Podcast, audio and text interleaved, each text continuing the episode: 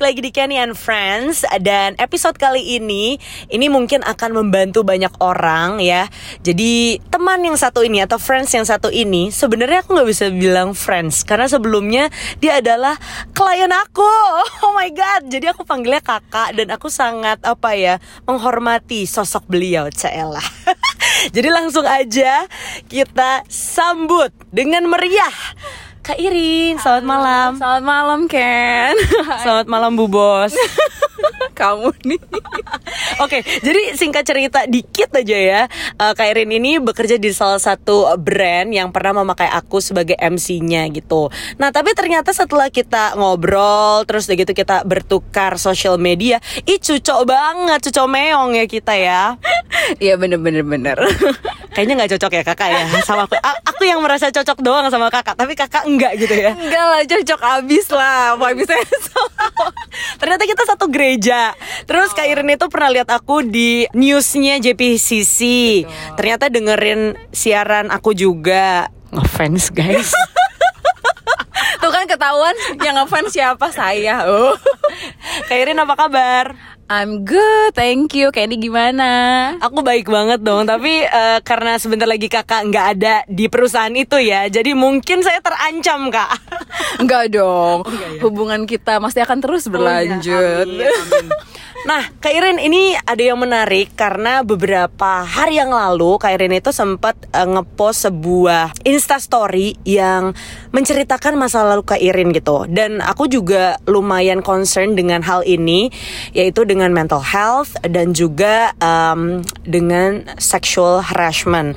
Apa sih yang terjadi dengan Kak Irin? Wah, langsung nanyanya das gitu. Iya, jadi tuh eh, sebenarnya gini sih Ken, mungkin karena se- sebagai pribadi aku tuh juga sangat concern banget sama yang namanya eh, apa namanya mental health gitu kan khususnya untuk perempuan sih. Mungkin karena background eh, aku juga dan juga pekerjaan gitu kan. Jadi eh, terlebih di di masa-masa sekarang nih lagi psbb cewek-cewek kan biasa sering curhat.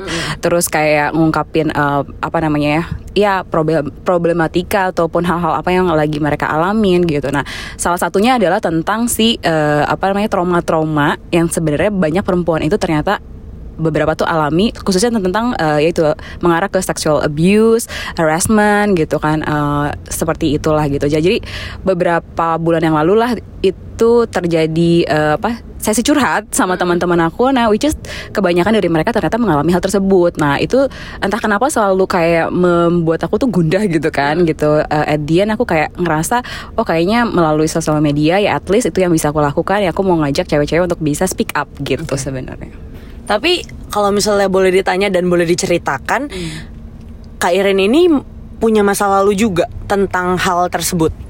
Iya, jadi kenapa sih eh, hal tersebut tuh jadi concern di aku juga karena mungkin aku pernah ngalamin yang eh, aku bilang eh, namanya sexual harassment kali ya itu waktu eh, semasa aku kecil. Nah, mungkin beberapa pendengar Kenny juga di sini ataupun eh, teman-teman juga pernah ngalamin itu gitu kan. Nah, kejadian itu memang eh, sedikit banyak itu membuat eh, apa ya perubahan adanya perubahan ataupun cara memandang diri itu menjadi agak berbeda gitu setelah kejadian tersebut. Nah, eh, memang thank God-nya adalah eh, aku udah berhasil melalui itu, tapi ternyata beberapa teman kan eh, mengalami hal yang serupa tapi mungkin nggak bisa keluar dari situasi tersebut gitu. Nah, kebetulan kalau di aku sendiri karena udah kejadian itu waktu kecil lah gitu ya. Jadi eh, waktu kecil terus aku sempat mengalami itu sama eh, kakak kelas gitu kan. Artinya eh, dulu tuh kalau di sekolah gitu terus kayak di belakang terus akhirnya aku sempat disentuh di area perempuan yang eh, area intim kewanitaan lah gitu. Nah di saat itu tuh aku karena masih kecil nih kan jadi kayak eh, ngerasa bahwa belum tahu bahwa hal tersebut itu sebenarnya nggak boleh gitu kan. Dan eh, ternyata ketika mengalami kejadian tersebut terus aku berusaha untuk kayak speak up dalam tanda kutip ke si pelakunya eh, malah di pointing sebagai ah itu nggak terjadi kok gitu. Padahal aku ngerasain itu gitu. Jadi selama sehabis kejadian tersebut jadi dipendam gitu kan. Karena masih kecil nggak berani ngomong terus ngerasa kayak eh udahlah mendingan dilupain aja. Sampai eh, ternyata hal tersebut tuh yang sebenarnya pernah kita eh, apa alami dan melukai istilahnya harga diri kita sebagai perempuan dan kita nggak bisa speak up itu mau nggak mau eh, istilahnya itu ada di alam bawah sadar kita gitu kan sampai akhirnya aku tuh beberapa waktu lalu kan sempat mm, ngobrol dengan psikolog dan juga dan juga hipnoterapis. Nah di situlah baru keluar bahwa ada poin uh, tentang kejadian tersebut yang masih aku pendam gitu belum belum aku selesaikan lah gitu. Itu sih jadi hal yang menarik adalah uh, apa namanya ketika itu aku ngerasa bahwa oh kalau kita mau jadi diri kita yang uh, seutuhnya gitu ya kita baiknya udah juga uh, berhasil melupakan atau uh, dealing with our uh, uh, past gitu kan salah satunya adalah kejadian tersebut kalau bagi aku gitu Baik, cukup sekian Kenny and Friends episode hari ini. Enggak karena itu udah mencakup semua pertanyaan aku. Tapi ini sih kak. Enggak, uh, pertanyaan aku adalah mungkin ini kesadaran kan tadi kakak ngomong gitu ya. Kakak sempat uh, bertemu dengan psikolog atau yeah. hipnoterapi itu. Itu triggernya apa? Pemicunya apa gitu? Apa tiba-tiba kayak ah nggak ada kerjaan ah gitu. Wow. Mau buang-buang duit ah. Iya iya bener-bener. Pasti ada triggernya. Triggernya itu uh, di tahun 2020 tuh uh, jujur aku tuh memang mengalami beberapa hal dalam hidup gitu ya.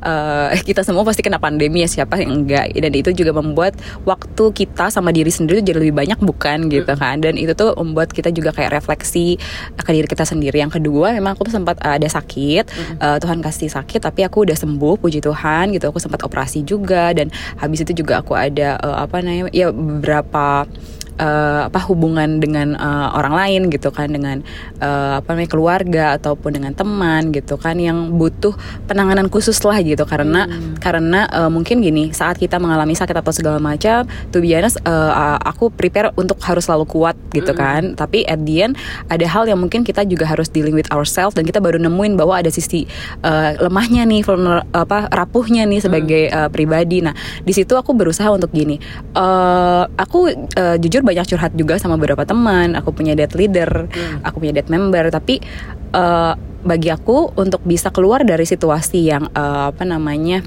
saat itu adalah ngobrol sama expertise. Nah, hmm. aku memilih untuk oh ya udah deh, aku ngubungin psikolog dan juga hipnoterapis. Nah, puji Tuhan, setelah melalui beberapa proses gitu kan dengan mereka, uh, aku jadi pribadi yang sekarang nih jadi yang bisa menerima uh, dealing with my past gitu dan juga kejadian di 2020 gitu sih kan.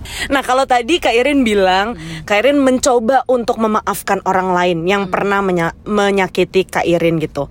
Punya pengalaman gak sih tentang memaafkan diri sendiri?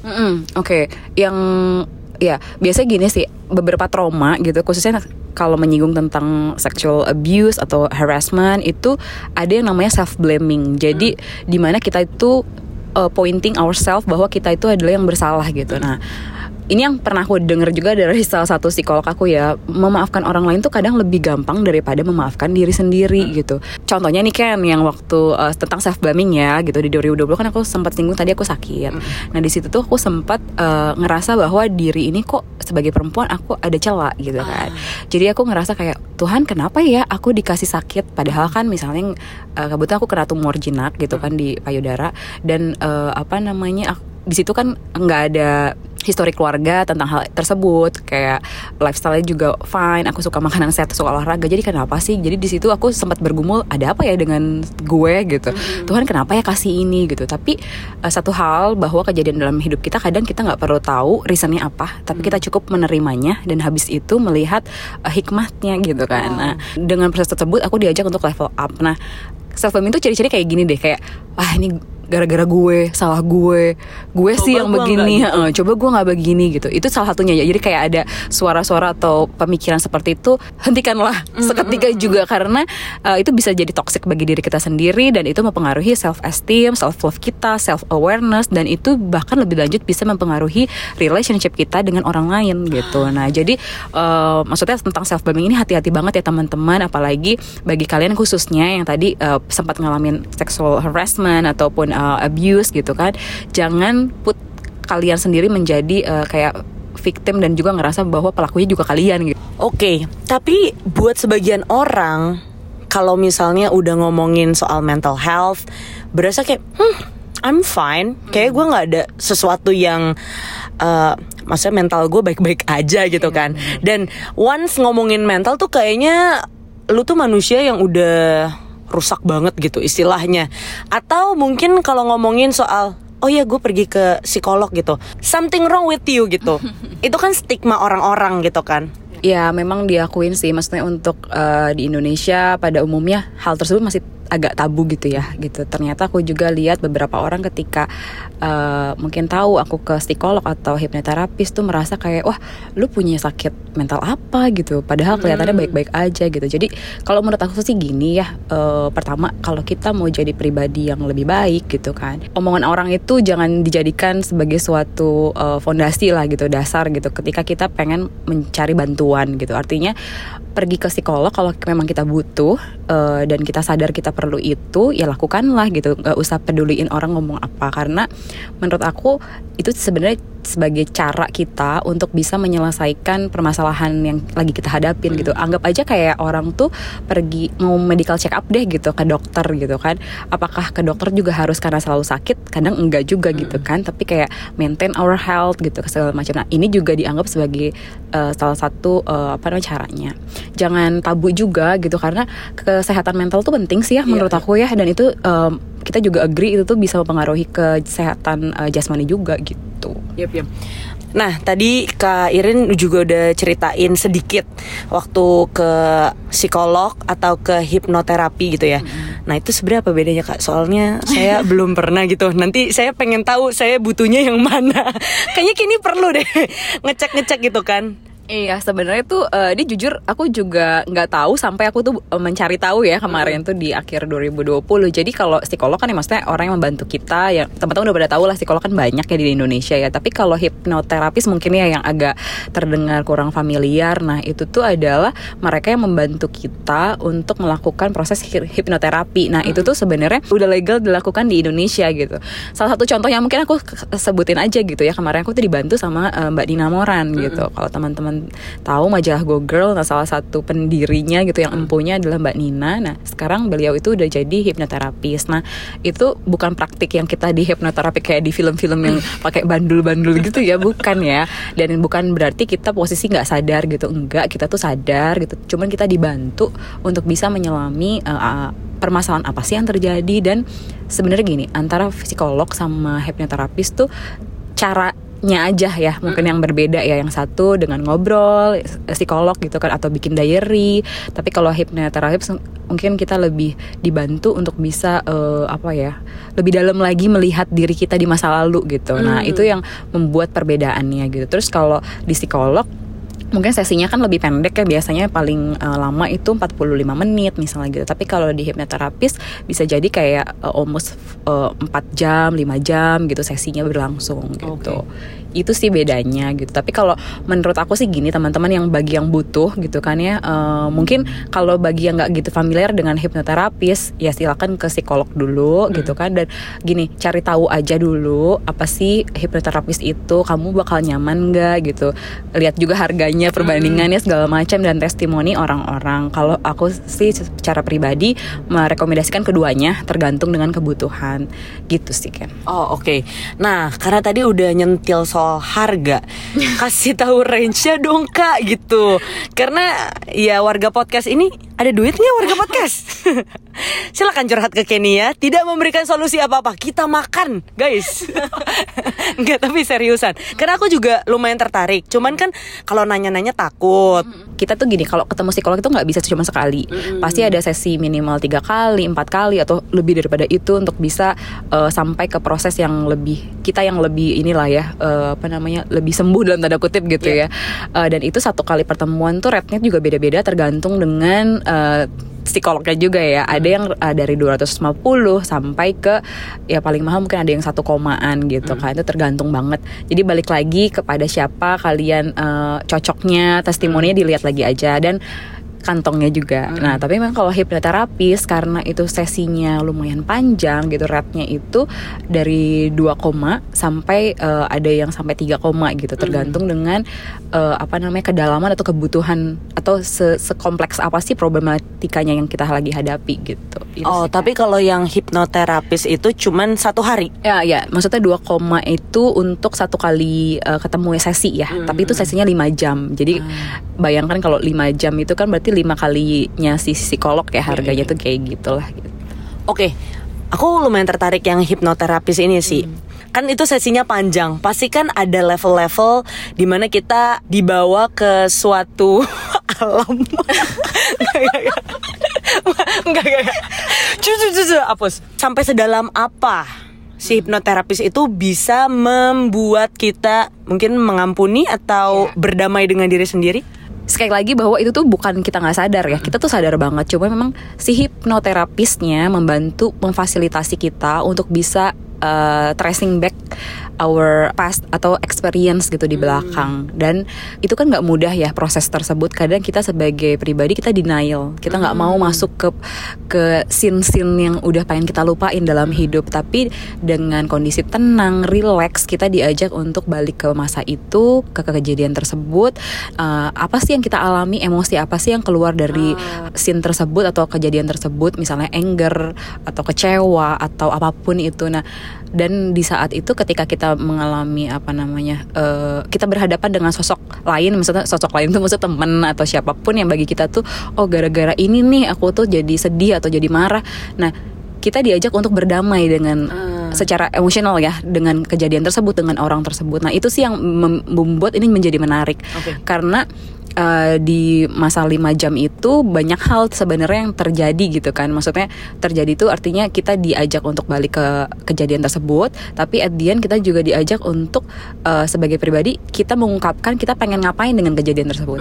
Jadi ke- misalnya nih ketika aku tadi kan eh, balik ke masa di mana aku pernah dapat eh, sexual harassment gitu kan.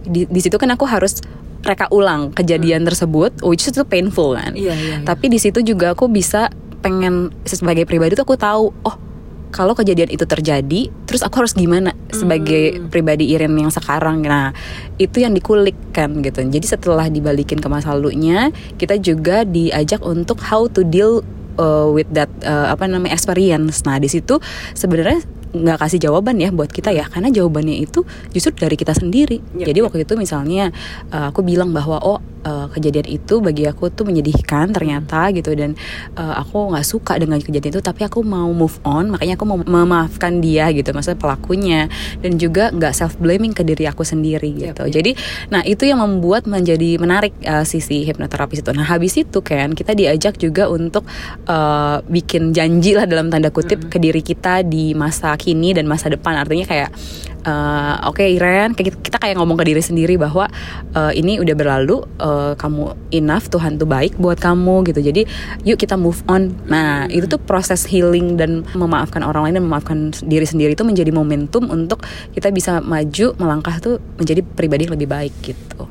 Oh wow, aku tuh pernah dengar cerita dari teman aku, tapi aku kurang yakin dia perginya ke mana.